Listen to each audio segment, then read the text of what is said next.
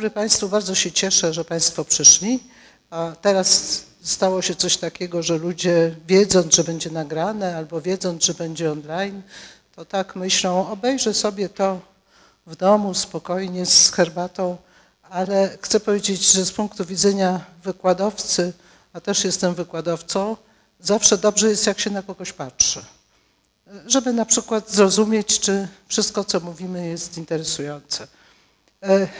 Chciałam Państwa przywitać w imieniu Festiwalu Nauki. Nazywam się Zuzanna Teplic, jestem dyrektorem Festiwalu Nauki. E, w tym roku obchodzimy 25-lecie. Tak ciągle myślę, że to aż nieprawdopodobne, że obchodzimy 25-lecie.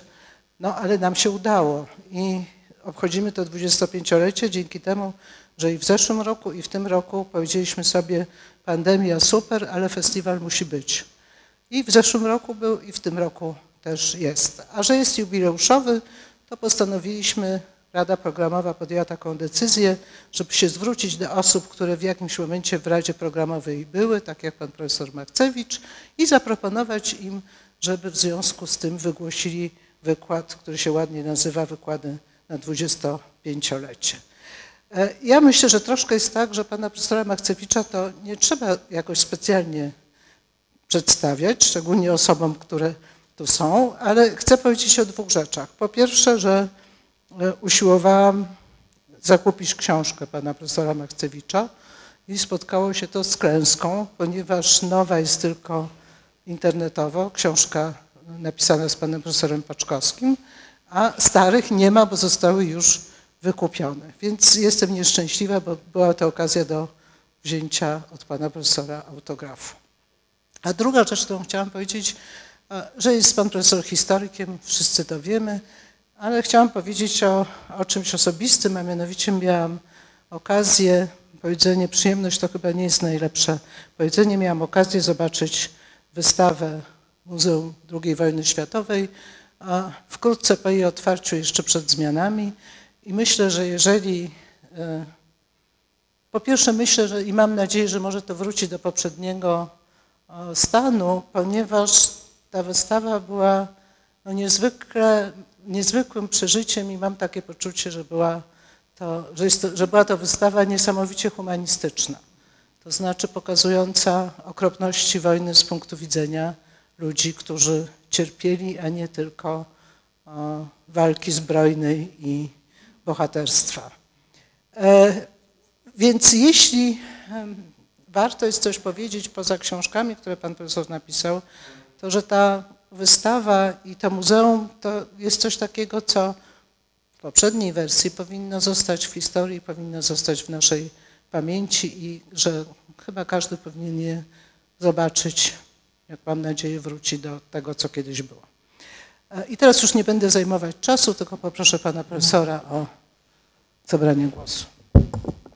Bardzo dziękuję za zaproszenie i za te miłe słowa powitania.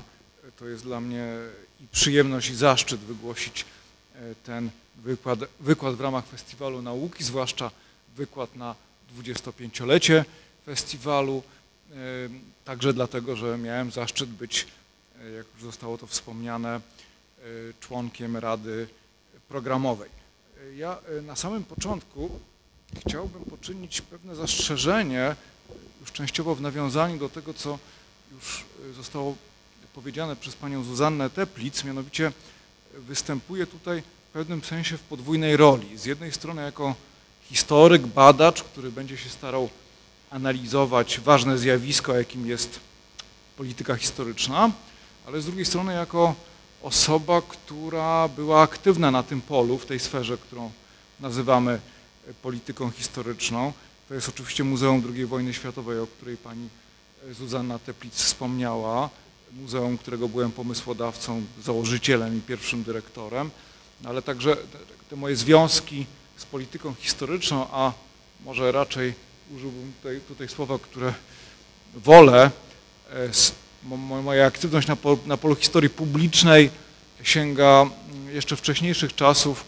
Byłem też współtwórcą Instytutu Pamięci Narodowej, e, przez kilka lat jego pierwszy, pierwszym dyrektorem pionu badawczo edukacyjnego IPN-u, no i też jakby od właściwie dwóch dziesięcioleci publikowałem wiele tekstów dotyczących właśnie historii w przestrzeni publicznej, czy też jakby samej już polityki historycznej, używając tego słowa. E, socjologowie e, mają takie, używają takiego określenia e, obserwacja uczestnicząca i to jest jakby uprawniona metoda badawcza, że socjolog jest blisko bardzo jakiejś grupy, którą bada. W historii takie pojęcie, w historiografii takie pojęcie raczej nie występuje. Oczekuje się od historyka dystansu, ale w przypadku historii najnowszej to jest po prostu niemożliwe, ponieważ e, historyk, badacz jest też zanurzony we współczesności, jest obywatelem, bierze udział w różnego rodzaju sporach. Także ja będę się starał mm, e, przedstawić Państwu na miarę moich możliwości obraz zobiektywizowany tego fenomenu, jakim jest polityka historyczna, no ale zdaję sobie sprawę, że byłem jednym z aktorów tych wydarzeń, które będę tutaj w skrócie przedstawiał.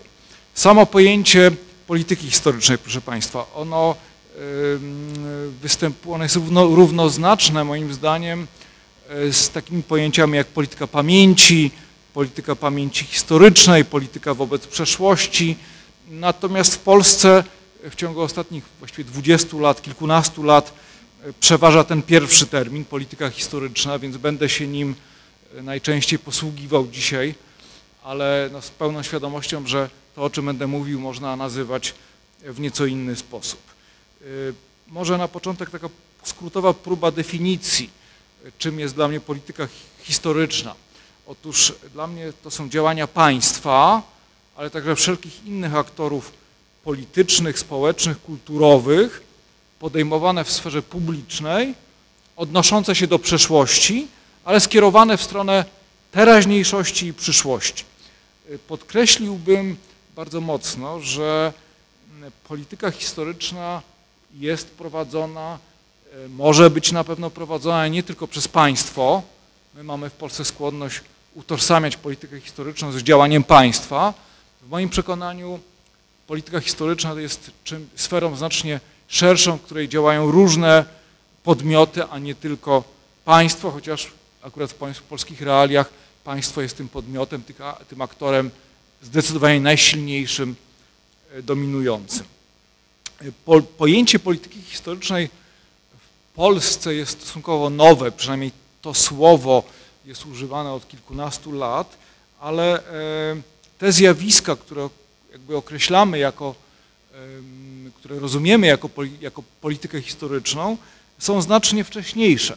One sięgają wcześniejszych wieków na pewno sięgają wieku XIX e, i e,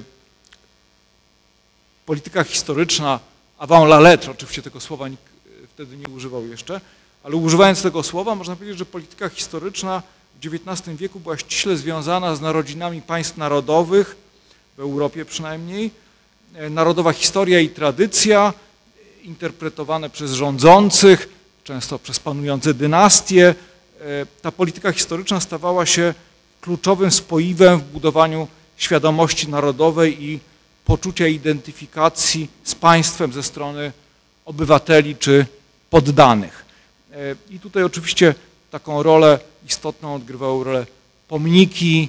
E, no, ktoś decydował o tym, jakie pomniki, jakim bohaterom narodowym są poświęcone, gdzie są wznoszone, jaki mają kształt, ale także oczywiście uroczystości narodowe, podręczniki szkolne, zwłaszcza od momentu, gdy mm, obowiązek szkolny stał się powszechny, to jest y, no już druga połowa XIX wieku w większości mm, krajów europejskich. To jest także tworzenie muzeów, muzeów narodowych. W XIX wieku to się dzieje w większości krajów europejskich, e, muzeów, które na ogół nie są jakby muzeami historycznymi w naszym dzisiejszym rozumieniu, one skupiają dzieła sztuki, pamiątki narodowe, ale bardzo często opowiadają, przynajmniej znacząca część ekspozycji tych muzeów opowiada o historii narodu, państwa czy dynastii. To, na co chciałbym zwrócić uwagę w polskich warunkach, to jest to, że nawet przy braku suwerennego państwa w XIX wieku polskie elity prowadziły działania, które myślę, że z dzisiejszej perspektywy można określić mianem polityki historycznej, dla wzmacniania świadomości narodowej e, i przygotowywania gruntu dla, dla powstania w przyszłości polskiego państwa. E, kilka przykładów. E, jeden bardzo nieodległy. Niedaleko stąd stoi pomnik księcia Józefa Poniatowskiego, ale nie wszyscy chyba wiedzą, że inicjatywa mm, stworzenia takiego pomnika, wzniesienia takiego pomnika pojawiła się już w 1814 roku w samym momencie klęski, upadku księstwa warszawskiego. E, pomnik był już odlany, gotowy do ustawienia tuż przed wybuchem powstania listopadowego, ale e, po upadku powstania listopadowego władze rosyjskie no, nie, nie, zgodziły się na ustawienie pomnika w przestrzeni publicznej i stało się to dopiero w 1923 mm, e, roku. Więcej szczęścia w pewnym sensie miał pomnik jeszcze bliżej położony e, Mikołaja Kopernika, zresztą tego samego artysty, duńskiego rzeźbiarza Tor Torvaldsena, który został wzniesiony w 1830 roku. Jak Państwo wiecie, na pewno w czasie wojny Niemcy umieścili na tym pomniku tablicę e, mówiącą, że Kopernik, Kopernik był niemieckim uczonym. Polskie podziemie tę tablicę zdjęło. To pokazuje, e, no, że to, co byśmy określili mianem polityki historycznej, było prowadzone przez wiele stron e, i w wielu różnych epokach. Przenosząc się w, jakby w realiach XIX wieku do zaboru austriackiego, do Galicji, no, trzeba wspomnieć o pomniku grunwaldzkim odsłoniętym w Krakowie w 1910 roku w 600. rocznicę bitwy pod Grunwaldem. Pomnik był zniszczony przez Niemców jakby w pierwszych miesiącach okupacji, zrekonstruowany zresztą dosyć późno, dopiero w 1976 roku. Warto wspomnieć także to, e, czego dokonała e, Izabela Czartoryska, mianowicie e, stworzyła świątynię Sybilii w Puławach już po upadku państwa polskiego, po trzecim rozbiorze na przełomie XVIII i XIX wieku. I tak naprawdę było to pierwsze polskie muzeum historyczne, które gromadziło różne pamiątki dotyczące e, państwa polskiego, narodu polskiego. Inne inicjatywy z okresu zaborów, które pielęgnowały pamięć o polskiej historii, to jest na przykład Zakład Narodowy imienia Ossolińskich w Lwowie, Biblioteka Raczyńskich w Poznaniu, czy Biblioteka Polska w Paryżu, stworzona przez polską emigrację. Także e, chciałem podkreślić, że polityka historyczna może być prowadzona nawet bez państwa, przy braku struktur państwowych. Y, przechodząc w tym takim bardzo szybkim przeglądzie do II Rzeczypospolitej, no oczywiście odrodzone państwo polskie e, prowadziło politykę historyczną chociażby poprzez określenie, e, poprzez odbudowę edukacji, poprzez stworzenie takiego, a nie innego programu nauczania historii. Ale warto wspomnieć o takich bardziej namacalnych, materialnych działaniach, e, na przykład usuwanie cerkwi stawianych e, w różnych ważnych, publicznych miejscach przez władze zaborcze, przez władze rosyjskie, jako taki symbol dominacji rosyjskiej. Te cerkwie były usuwane, mimo że niekiedy to były monumentalne budynki. Tworzenie różnych instytucji mm, o charakterze monumentu, może nie tyle instytucji, co miejsc e, o charakterze monumentów. Można wymienić cmentarz Orląt Lwowskich na e, cmentarzu Łyczakowskim w Lwowie, mm, stworzony, odsłonięty w latach dwudziestych, poświęcony pamięci wszystkich Polaków, którzy walczyli o Lwów i Galicję. E, jeśli chodzi o spory historyczne, które często są esencją polityki historycznej, no to mieliśmy w dwudziestoleciu międzywojennym spór przede wszystkim o, między Piłsudczykami i Endecją o zasługi w stworzeniu, w odbudowie niepodległego państwa polskiego i, i, i w jego obronie. I nawet sobie nie zdajemy sprawy, jak, pozostałości tego sporu funkcjonują nawet w naszym, naszej jakby codzienności dzisiaj, ale także w naszym, naszym języku.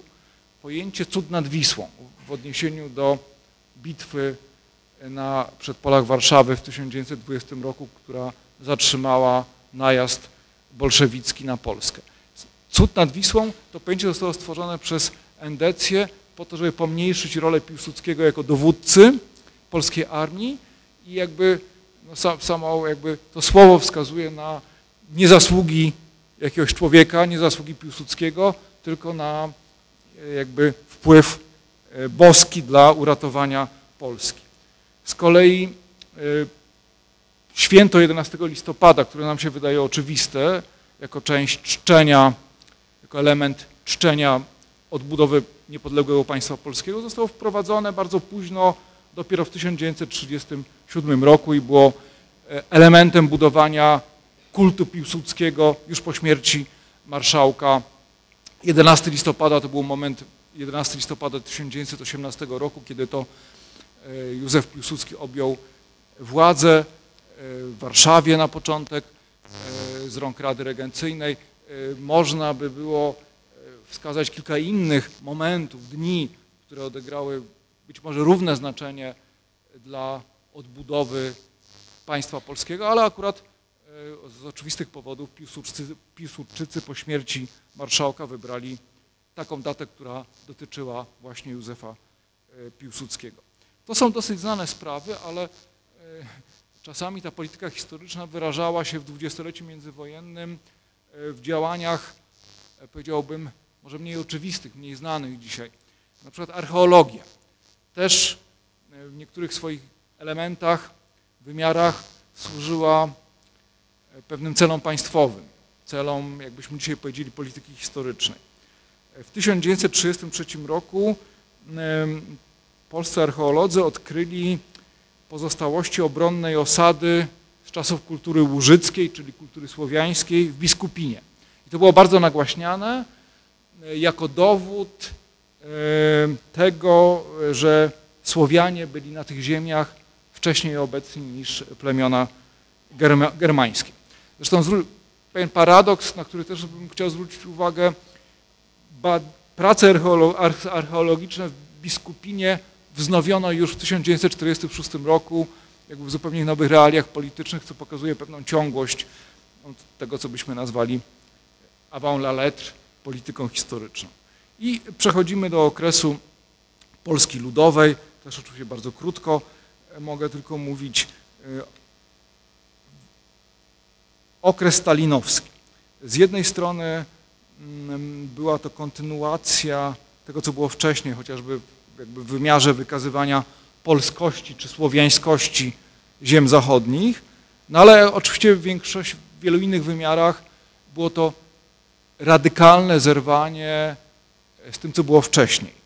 E, to miało wyraz, e, znajdowało wyraz w propagowaniu czarnej legendy II Rzeczypospolitej, czarnej legendy Armii Krajowej, Powstania Warszawskiego i oczywiście kreowaniu e, nowej, klasowej, marksistowskiej, proradzieckiej interpretacji narodowej e, historii. E, w pierwszych latach powojennych bardzo silny był oczywiście wątek antyniemiecki polityce historycznej władz komunistycznych.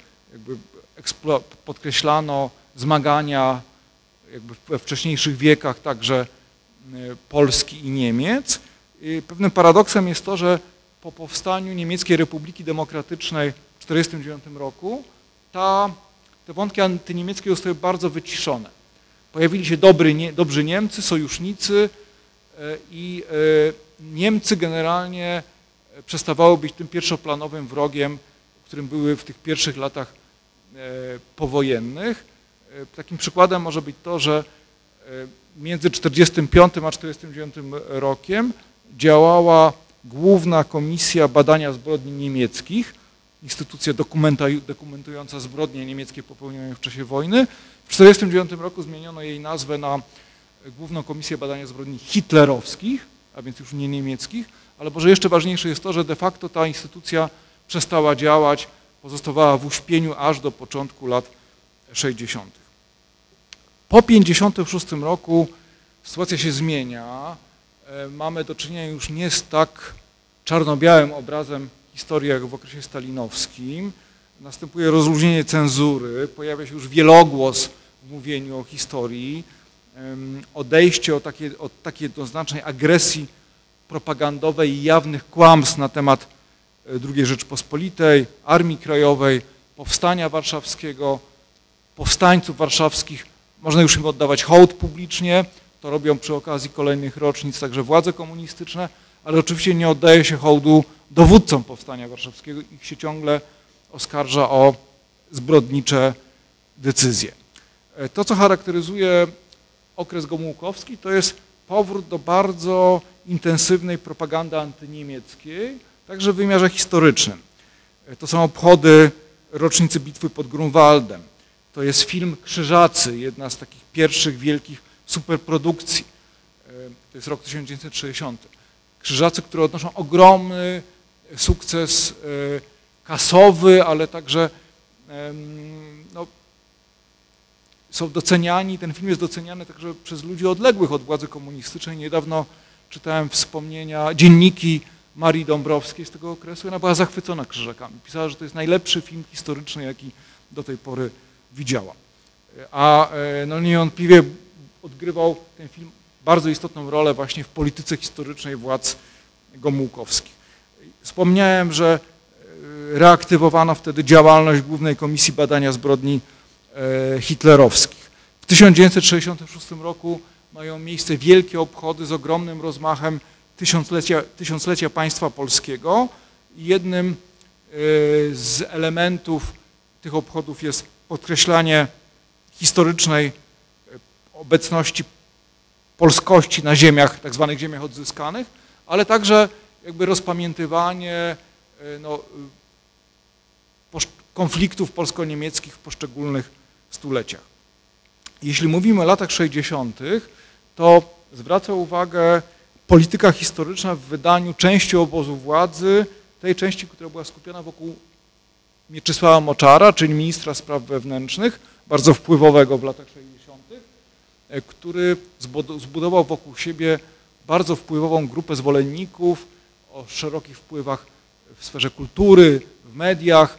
E, ta grupa była zwana mianem partyzantów, to dlatego, że sam Moczar, ale także wielu jego najbliższych współpracowników w czasie wojny byli partyzantami Gwardii Ludowej i Armii Ludowej i ta tradycja partyzancka była bardzo eksploatowana w propagandzie historycznej obozu moczarowskiego, ale ten kult partyzantki i w ogóle walki zbrojnej o niepodległość w okresie II wojny światowej obejmował nie tylko partyzantkę komunistyczną, ale także Armię Krajową, bataliony chłopskie, polskie siły zbrojne, e, żołnierzy walczących we wrześniu 1939 roku i, tak jak wspomniałem, żołnierzy walczących także na frontach u boku aliantów zachodnich. I to był rzeczywisty przełom, ta inkluzywność obejmująca e, inne, nie tylko komunistyczne wątki tradycji narodowej.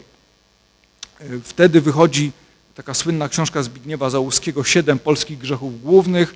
Zbigniew Załuski był pułkownikiem Ludowego Wojska Polskiego.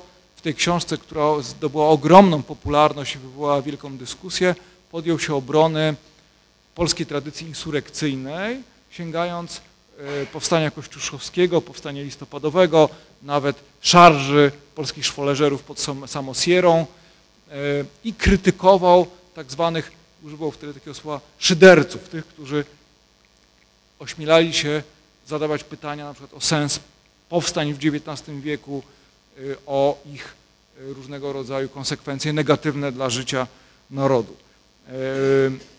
Wtedy y, y, y, też odbywają się słynne dyskusje wokół filmów Andrzeja Wajdy, zwłaszcza Popiołów, czyli ekranizacji powieści Stefana Żeromskiego i paradoksalnie ludzie związani z Moczarem, publicyści, pisarze atakują Andrzeja Wajdę za to, że przedstawia w, w tym filmie, w Popiołach, ale także we wcześniejszym filmie Lotna, to był taki obraz mm, no, bardzo ekspresyjny, ale też krytyczny polskiego września 1939 roku. Wajda jest poddany krytyce za jakby szarganie świętości, jakby za przedstawianie w sposób jakby odległy od jedynie apologetyki e, tradycji, polskiej tradycji walki o, zbrojnej walki o niepodległość.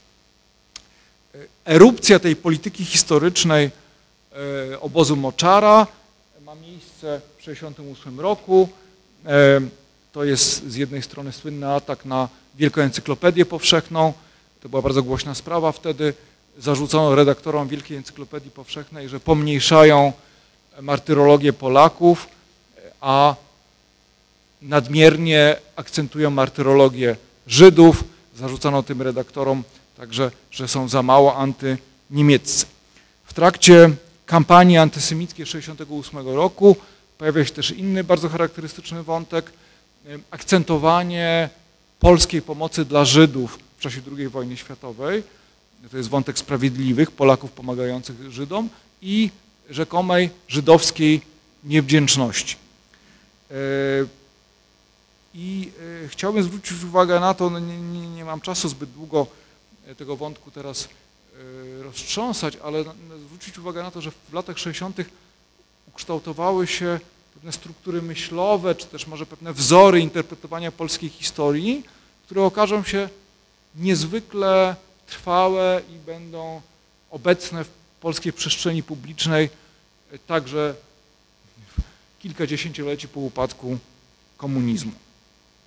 Warto zwrócić uwagę na to, że w okresie Polski Ludowej występowało też coś, co bym nazwał kontrpolityką historyczną albo alternatywną polityką historyczną. Z jednej strony to była polska emigracja, e, która e, wydawała wiele książek dotyczących historii. E, kultura paryska stworzyła specjalny periodyk, zeszyty historyczne, a z drugiej strony od 1976 roku historią zajmuje się, zajmują się środowiska opozycyjne w kraju. Takim przykładem może być to, że pierwszą książką wydaną przez niezależną oficynę wydawniczą były Narodziny systemu władzy Jakuba Karpińskiego o początkach systemu, komunistycznego systemu władzy.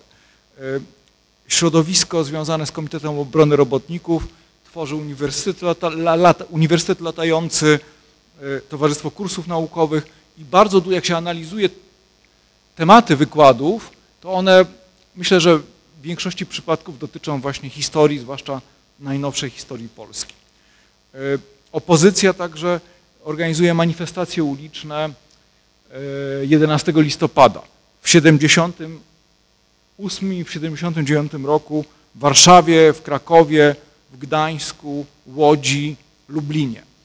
Powstaje, jak już wspomniałem, tak zwany drugi obieg wydawniczy, książki wydawane nielegalnie w podziemiu i e, jakby tematyka historyczna jest bardzo obficie w tym drugim obiegu reprezentowana. E, to jakby jest kontynuowane w latach 80. Historycy obliczyli, że między 80 a 87 rokiem ponad, zostało wydanych ponad 500 książek i broszur historycznych w drugim obiegu i że to stanowiło około 10% publikacji wydawanych w drugim obiegu. I teraz przechodzimy, proszę Państwa, do 80, e, do tego, co się dzieje po 1989 roku w III Rzeczypospolitej. E, oczywiście e, podobnie jak przy odbudowie państwa polskiego po roku 18, no, ogromne znaczenie ma odbudowa polskich szkół, stworzenie programów nauczania historii, podręczników historii, ale także mamy do czynienia z działaniami, podobnie zresztą jak w latach dwudziestych, takimi bardziej materialnymi, e, widocznymi w przestrzeni publicznej. To jest dekomunizacja przestrzeni publicznej. E, symbolem może być usunięcie pomnika Feliksa Dzierżyńskiego z placu jego imienia, dzisiaj placu bankowego, e, wznoszenie nowych pomników Armii Krajowej, Polskiego Państwa Podziemnego, poległych i pomordowanych na wschodzie, Podaję przykłady warszawskie, ale to dotyczy właściwie każdego polskiego miasta. Zmiany e, nazw ulic, nowe święta państwowe, a raczej może przywrócenie tych świąt, które istniały w czasach II Rzeczypospolitej. 3 maja, 15 sierpnia, 11 listopada. E, to jest e, stworzenie cmentarzy wojskowych w Katyniu, w Charkowie, Miednoje. To były wielkie osiągnięcia lat 90., o których my mamy, nie zawsze pamiętamy. I też zwróciłbym uwagę na to, że aktorami tej polityki historycznej w latach 90. było nie tylko państwo, ale występowali także aktorzy społeczni. Na przykład ośrodek Karta odegrał wielką rolę w dokumentowaniu represji sowieckich na Polakach. Stworzył Archiwum Wschodnie ze z wielkim zbiorem relacji na temat różnych represji sowieckich. E, nastąpiło w latach 90. otwarcie archiwów. E, najpierw archiwów PZPR-u, e, od roku 2000 archiwów aparatu bezpieczeństwa. I to też miało ogromne znaczenie, bo no, bez tego nie byłoby badań naukowych, nie byłoby książek dotyczących powojennej historii Polski. W 2000 roku powołany jest Instytut Pamięci Narodowej, wielka państwowa instytucja o strukturze ogólnokrajowej, która zajmuje się najnowszą historią Polski. Ja mogę powiedzieć z pełnym przekonaniem, że tak potężnej instytucji zajmującej się najnowszą historią nie stworzono w żadnym innym kraju postkomunistycznym, ani w żadnym innym kraju europejskim. Z tym zresztą tą jakby wielką skalą IPN-u, jego budżetem wiążą się pewne problemy, no po kolejne lata pokazały, że ta potężna instytucja może być politycznie instrumentalizowana. Y, I teraz dochodzę, proszę Państwa, do jakby ostatnich właściwie dwóch dziesięcioleci. Y, ten model polityki historycznej, który ja bardzo krótko oczywiście nakreśliłem y, w odniesieniu do lat 90., zaczął być kontestowany na początku lat 2000 przez środowiska prawicowe. Ogromną rolę odegrała tutaj debata na temat zbrodni w Jedwabnem, która była chyba moim przekonaniu najważniejszą debatą na temat historii w Polsce po roku 1989. E, ta debata oczywiście jakby wywołała ogromną traumę. To były zupełnie niespodziewane, nieznane rzeczy, mm, informacje o Polakach mordujących Żydów. Najpierw wiedzieliśmy o Jedwabnem i Radziłowie, dwóch miejscowościach, potem się okazało, że ta skala była znacznie szersza. I ta trauma prowadziła do takich reakcji obronnych, czyli jakby głoszenia konieczności koncentrowania się na historii chwalebnej, historii monumentalnej, historii chwały. Pierwszy bardzo wyraźnie sformułował e, tak postulat Andrzej Nowak w takim słynnym tekście Westerplatte czy Jedwabne, opublikowanym w 2001 roku. E, zarzucał wtedy Biuru Edukacji Publicznej IPN-u, którym ja kierowałem, że koncentruje się właśnie na historii hańby e, poprzez zajmowanie się sprawą Jedwabnego. Ja odpowiedziałem w takim tekście polemicznym zatytułowanym i Westerplatte i Jedwabne, że trzeba się zajmować jednym i drugim, zarówno sprawami bolesnymi, ciemnymi kartami historii, jak i jakby historią chwalebną, że naród dojrzały, żyjący w warunkach demokracji powinien być gotowy do konfrontacji z wszystkimi wymiarami swojej historii i że e, nie można tego w żaden sposób sterować czy ograniczać. To są już początki tego, co nazwałbym prawicową polityką historyczną sensu stricto. Środowisko konserwatywnych intelektualistów zbliżonych do nowo utworzonej partii partii Prawo i Sprawiedliwość, która powstała w 2001 roku, publikuje szereg tekstów, w których oskarża się tak zwane elity III Rzeczypospolitej o z jednej strony albo obojętność wobec historii, a z drugiej strony o uprawianie tak zwanej pedagogiki hańby. Pedagogika hańby czy pedagogika wstydu, to pojęcia stają się takimi wytrychami. I tym mianem określa się badania historyków, publikacje dziennikarzy, e, którzy zajmowali się na przykład jedwabnem, antysemityzmem, e, nie wiem, e, dyskryminacją Ukraińców, czy w II Rzeczypospolitej, czy na przykład ich wysiedleniami w ramach akcji Wisła już po 1945 roku. Reakcją na tą rzekomą pedagogikę hańby miało być zajmowanie się właśnie chwalebnymi kartami polskiej historii, takim klucz, szczytowym osiągnięciem e, tego środowiska jest stworzenie Muzeum Powstania Warszawskiego w roku 2004 pod patronatem prezydenta Warszawy Lecha Kaczyńskiego. To jest ogromny sukces tego środowiska skupionego wokół Lecha Kaczyńskiego i partii Prawo i Sprawiedliwość. Wielu komentatorów uważa, że ten sukces odegrał istotną rolę e, dla wygrania przez Lecha Kaczyńskiego wyborów prezydenckich w 2005 roku, a przez Prawo i Sprawiedliwość wyborów parlamentarnych. E, Prawo i Sprawiedliwość sprawuje władzę przez dwa lata, to jest krótki okres, e, niewystarczający do stworzenia no, czegoś trwałego na miarę Muzeum Powstania Warszawskiego. Zainicjowana jest budowa Muzeum Historii Polski. Natomiast wtedy właśnie w 2005 roku, niemal właściwie jednocześnie z objęciem władzy przez Prawo i Sprawiedliwość, to pojęcie polityka historyczna zostaje zdefiniowane przez konserwatywnych intelektualistów bliskich Prawu i Sprawiedliwości. Jest taka książka Pamięć i Odpowiedzialność pod redakcją Roberta Kostro i Tomasza Merty. Ja teraz nie mam czasu, żeby ją e, jakoś omawiać, ale to jest ten taki akt założycielski, przynajmniej na wymiarze intelektualnym, polityki historycznej w wydaniu e, polskiej prawicy. E, tutaj zwróciłbym uwagę na pewien paradoks. Samo słowo, termin polityka historyczna, on jest nowy, on nie był w powszechnym użyciu e, wcześniej w Polsce. On jest paradoksalnie taką kalką, tłumaczeniem niemieckiego terminu Geschichtspolitik. To znaczy po niemiecku dokładnie polityka historyczna.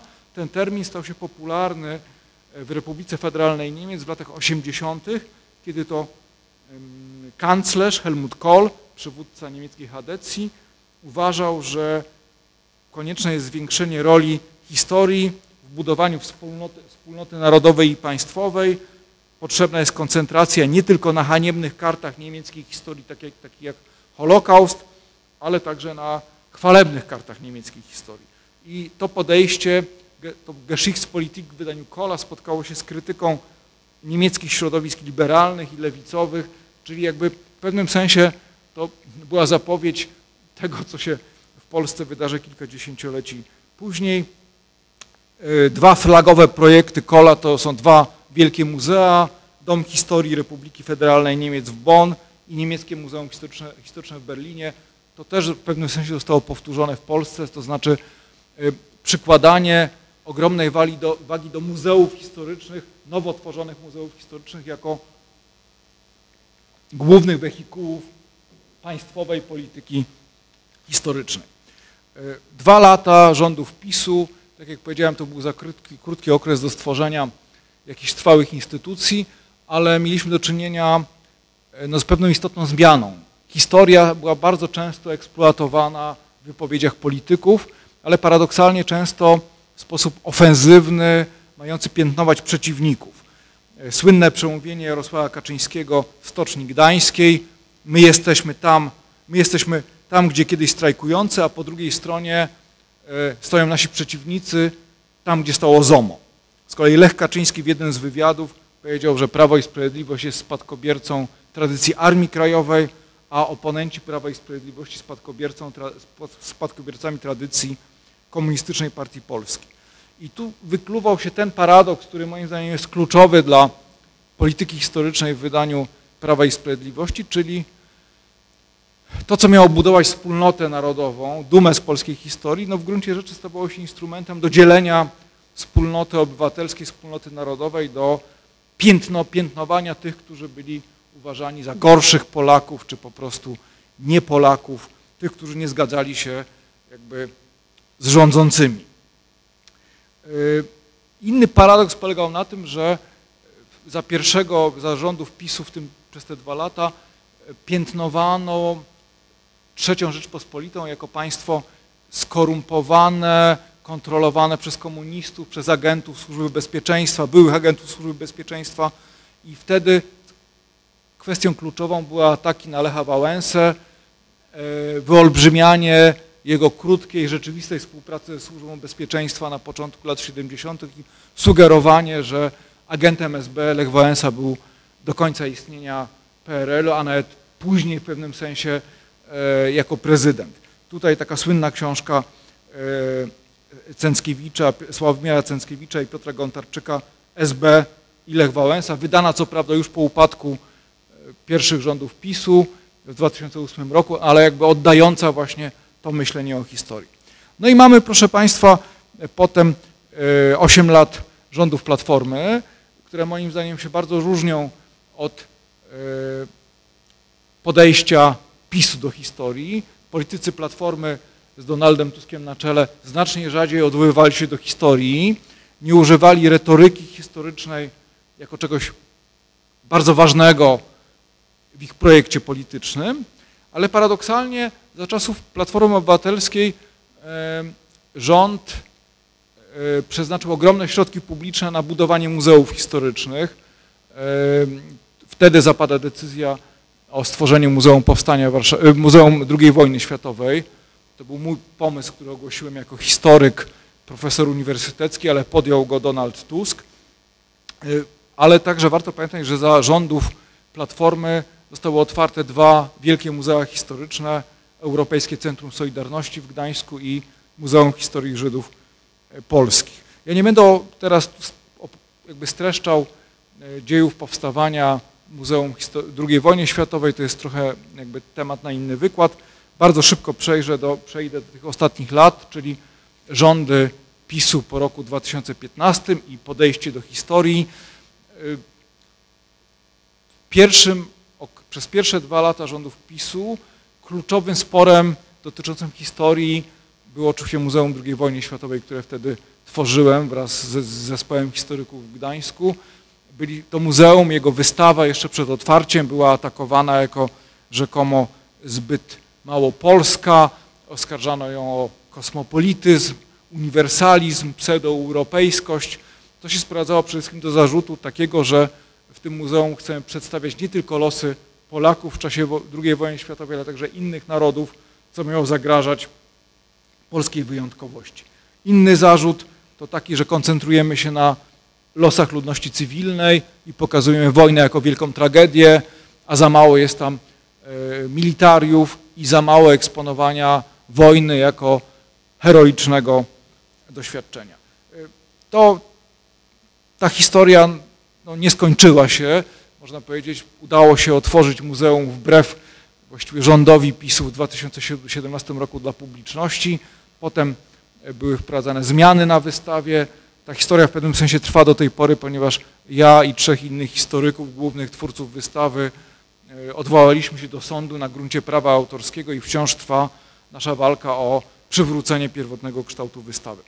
Ale bardzo krótko, inne główne wątki polityki historycznej PiSu w tych ostatnich latach, e, to jest wątek tak zwanych żołnierzy wyklętych. I to jest nowy wątek, który nie występował w zasadzie e, za pierwszych rządów PiSu w latach 2005-2007, czyli koncentracja na walce podziemia niepodległościowego, ja staram się używać tego określenia jako neutralnego, przeciwko komunistom i przeciwko Sowietom w pierwszych latach po II wojnie światowej. E, w moim przekonaniu to prowadzi do deformacji historii, ponieważ istniały znacznie bardziej masowe ruchy występujące przeciwko komunistom, jak na przykład milionowa partia Polskie Stronnictwo Ludowe Stanisława Mikołajczyka. Natomiast koncentrowanie uwagi na tak zwanych wyklętych i tworzenie z nich wzoru osobowego dla współczesnych Polaków, no moim zdaniem jakby oddaje właśnie taki antykomunizm i radykalizm, jednocześnie, jednocześnie antyelitarne nastawienie e, Prawa i Sprawiedliwości. Drugi wątek, e, do pewnego stopnia też nowy w stosunku do pierwszego okresu, kiedy PiS rządził, to jest koncentracja na kwestii stosunków polsko-żydowskich w czasie e, II wojny światowej. To jest reakcja na badania prowadzone przez polskich historyków, które no, odkrywają, że skala zbrodni dokonywanych przez Polaków na Żydach była znacznie większa niż się wydawało jeszcze nawet we, w dobie dyskusji wokół Jedwabnego. E, żeby zablokować te badania uchwalono nowelizację ustawy o Instytucie Pamięci Narodowej w 2018 roku. Ta nowelizacja wprowadzała możliwość karania trzema latami więzienia historyków czy dziennikarzy, którzy zajmowaliby się tą właśnie tematyką. Pod naciskiem międzynarodowym wycofano się z tych sankcji karnych, no ale wciąż historycy, zwłaszcza z Centrum Badań nad Zagładą Polskiej Akademii Nauk są na różne sposoby szykanowani i atakowani przez rządową e, propagandę. I e, tak zupełnie na koniec e, próba bilansu. W moim przekonaniu, w mojej ocenie mamy do czynienia teraz z czymś, co bym nazwał wprost bankructwem prawicowego, a może lepiej powiedzieć modelu polityki historycznej w wydaniu Prawa i Sprawiedliwości. Ten model, który miał, ta polityka historyczna, która według deklaracji sprzed kilkunastu lat miała budować wspólnotę obywatelską, wspólnotę narodową, ta polityka historyczna zamieniła się w moim przekonaniu w całkowicie partyjny, autorytarny projekt polityczny, instrumentalizowany e, dla piętnowania przeciwników politycznych i ideowych, powiedziałbym, że dla rozbijania wspólnoty narodowej. E, ja bym powiedział, że w moim przekonaniu istnieje nadmiar historii w życiu publicznym. Mamy do czynienia z instrumentalizacją historii e, i jest to jeden z czynników zatruwających nasze życie publiczne, zagrażających wolności badań naukowych i e, wzmacniających polaryzację społeczną, która jest jednym, jakby, jedną z cech charakterystycznych współczesnej Polski. Powiem, e, że jako historyk z nostalgią wspominam lata 90., kiedy historia nie budziła takiego wielkiego zainteresowania rządzących jak dzisiaj. I ostatni człon tytułu mojego wykładu E, stawia pytanie, jaka powinna być polityka historyczna dzisiaj. E, ja odpowiem bardzo krótko, ponieważ nie mam już czasu. E, na pewno powinna być w moim przekonaniu inna niż dzisiaj. Powinno być jej mniej. To jest może powiem paradoks, że jestem historykiem, ale uważam, że mamy, tak jak wspomniałem, nadmiar historii w życiu publicznym, historii instrumentalizowanej dla celów politycznych. Powinno być mniej państwa w sferze historii. E, polityka historyczna powinna być pluralistyczna, polifoniczna. Polacy się różnią między sobą w spojrzeniu na przeszłość. I te różnice, ten pluralizm powinien znajdować odbicie w działaniu instytucji zajmujących się historią. Powinno być znacznie mniej państwa w polityce historycznej, znacznie większa powinna być rola podmiotów społecznych, aktorów społecznych. Wyobrażam sobie, że e, w nowych realiach, bo kiedyś PiS przestanie rządzić, mam nadzieję, że rządzący będą na tyle mądrzy, że doinwestują e, historię uprawianą na uniwersytetach w Polskiej Akademii Nauk, bo bez tej rzetelnej historii nie może też być rzetelnej historii w wymiarze publicznym. Liczę na to, że, będą, e, że będzie wzmocniona autonomia muzeów historycznych, które odgrywają ogromną rolę w polityce historycznej, ponieważ niestety ludzie coraz mniej czytają książek naukowych, ale bardzo tłumnie odwiedzają muzea historyczne, przynajmniej w Polsce, to jest polski e, fenomen. E, liczę na to, że będą mogły działać, że będą wspierane finansowo organizacje pozarządowe, takie jak Karta. E, I no, bardzo bym chciał, żeby nikt już nie narzucał jednej wizji polityki historycznej, jednej wizji przeszłości, co się dzieje w ciągu ostatnich lat jakby z ogromnym naciskiem struktur państwowych i jakby z bardzo świadomym kierowaniem środków finansowych tylko w jedną stronę dla wspierania tego projektu ideowego, który e, jest e, narzucany, forsowany przez rządzącą partię. Dziękuję bardzo. Chyba trochę za długo mówiłem, ale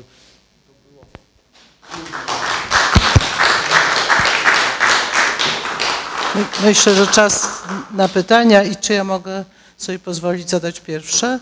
Czy nie, nie moglibyśmy zacząć od tego, żeby trochę inaczej uczyć historii w szkole? Czy ja do tego dodam mały komentarz, bo tak sobie o tym pomyślałam, że w ramach uczenia historii w szkole, jak patrzę na podręczniki, one się niewiele zmieniły od niepamiętnych czasów, mam takie poczucie, to to jest książka telefoniczna, czyli imiona, nazwiska i daty. Jeżeli zadamy takie pytanie, kiedy zginął Władysław Werneńczyk, to wszyscy powiemy 1444, bo to łatwa data. A jak zapytamy, co on robił pod Warną? Y, zgadzam się z Panią, ale może z jednym y, doprecyzowaniem. Otóż moim zdaniem jednak podręczniki historyczne się zmieniły w ciągu ostatnich kilku lat i y, likwidacja gimnazjów stworzyła sytuację, w której właściwie na każdym szczeblu nauczania musiały zostać opracowane nowe podręczniki.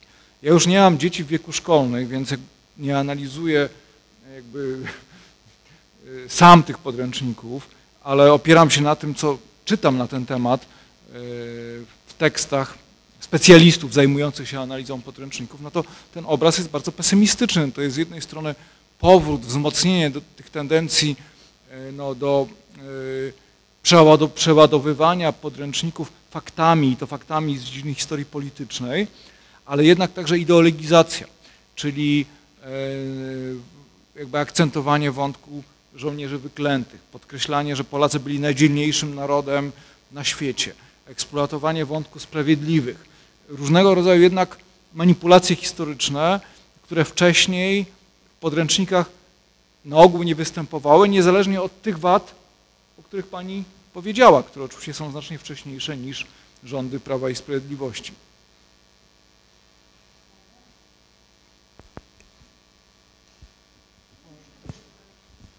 Ktoś o coś zapyta jednak. Zachęcam, to jest wyjątkowa okazja. Pan profesor mówił o y, pomnikach budowanych, prawda, powstania warszawskiego i tak dalej.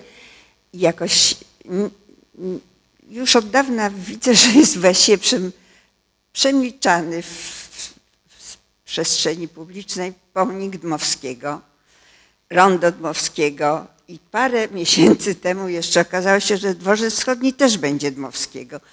Dlaczego ten Dmowski jest takim gorącym kasztanem w polskiej historii? Odsyłam Państwa do znakomitego tekstu amerykańskiego historyka Johnego, Johna Connelly'ego w ostatnim numerze Ale Historia. No ja się mogę znaczy do pewnego stopnia zgodzić z Johnem Connelly, który no, mówi wprost, że oddawanie kultu Dmowskiemu to jest oddawanie kultu politykowi, który głosił hasła jawnie e, antysemickie, rasistowskie, antydemokratyczne. E, ale problem polega na tym, proszę Państwa, że e, jak popatrzymy na Józefa Piłsudskiego, który ma wiele pomników w Polsce, wiem, place są nazywane jego imieniem, ulice w niezliczonych miastach, no to jest to polityk, który no z jednej strony odegrał ogromną rolę w odbudowie państwa polskiego, ale z drugiej strony zniszczył polską demokrację poprzez zamach majowy w 2000, 1926 roku. Zamach, który wcale nie był nieunikniony. Polska demokracja być może by się obroniła i mogłaby istnieć dłużej. Odpowiedzialny jest za ustanowienie rządów autorytarnych i brutalne represje wobec przeciwników politycznych, poniżanie tych przeciwników politycznych, wręcz tortury w twierdzy brzeskiej, w Berezie Kartuskiej Akurat Bereza to w dużej mierze po śmierci Piłsudskiego, ale została ustanowiona jeszcze za jego życia. E, więc czy powinniśmy także dyskutować o usunięciu pomników Piłsudskiego? Tak daleko bym nie sięgał. W moim przekonaniu zasługi Piłsudskiego są większe niż zasługi Dmowskiego. Niemniej jednak Dmowski był twórcą no, e, najbardziej masowego ruchu politycznego II Rzeczypospolitej, czyli endecji. E, która rządziła stosunkowo krótko w latach dwudziestych, ale była ruchem o największym zapleczu społecznym. Także e, no, mm, byłbym bardzo ostrożny z popieraniem postulatów o usuwaniu pomniku, pomnika Dmowskiego, mając pełną świadomość e, tych wszystkich kontrowersji i ciemnych kart no, związanych z działalnością czy z publicystyką Romana Dmowskiego.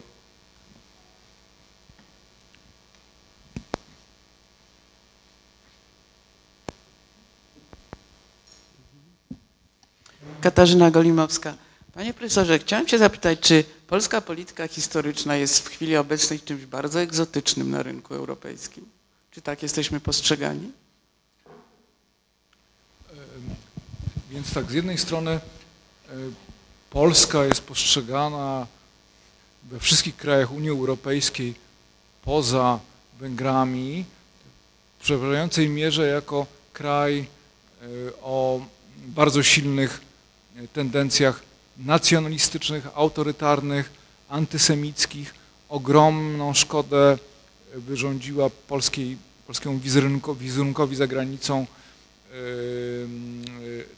nowelizacja ustawy o IPN-ie, szykany wobec historyków zajmujących się polskim udziałem w Holokauście, czy wcześniej oczywiście wojna wytoczona przez rząd PiSu wobec Muzeum II wojny światowej. Ta sprawa była no, jakby przez wiele miesięcy na czołówkach e, światowych mediów i e, ja ubolewam, że nie tyle sama treść wystawy była komentowana, ale ta sprawa była przedstawiana jako najbardziej drastyczny przypadek ingerowania w wolność kultury i wolność historii e, w Unii Europejskiej. E, Nie ma też moim zdaniem innego kraju w Unii Europejskiej, który by, w którym rządzący, obec, rządzący obecnie w Polsce przykładali, którzy, którym by przykładano tak wielką wagę do historii i tak bardzo instrumentalizowano by politycznie historię, jak to ma miejsce w Polsce. Orban na Węgrzech też wykorzystuje historię do swoich celów politycznych, ale ona nie jest aż tak centralna w propagandzie Fideszu. E, Tam jakby większą rolę odgrywają chociażby e, imigranci, jakby wywo- wywo- wywoływanie strachu przed migrantami. W Polsce to oczywiście też jest wykorzystywane, podobnie jak ataki na e, LGBT. To łączy Polskę i Węgry, ale ta obsesja historią, instrumentalizowanie historii jest wyjątkowe, jeśli chodzi o Polskę na tle europejskim. To jest dostrzegane, to jest dostrzegane e, no właściwie wszędzie e, za granicą, a sporo w ostatnich latach mieszkałem za granicą, więc mogę o tym powiedzieć no, jakby z autopsji. Ja myślę, że nie będziemy już pana profesora męczyć. Bardzo, bardzo dziękujemy. Jeszcze raz myślę, Ja że bardzo dziękuję. oklaski. No i liczymy, że jeszcze kiedyś na festiwalu jakimś następnym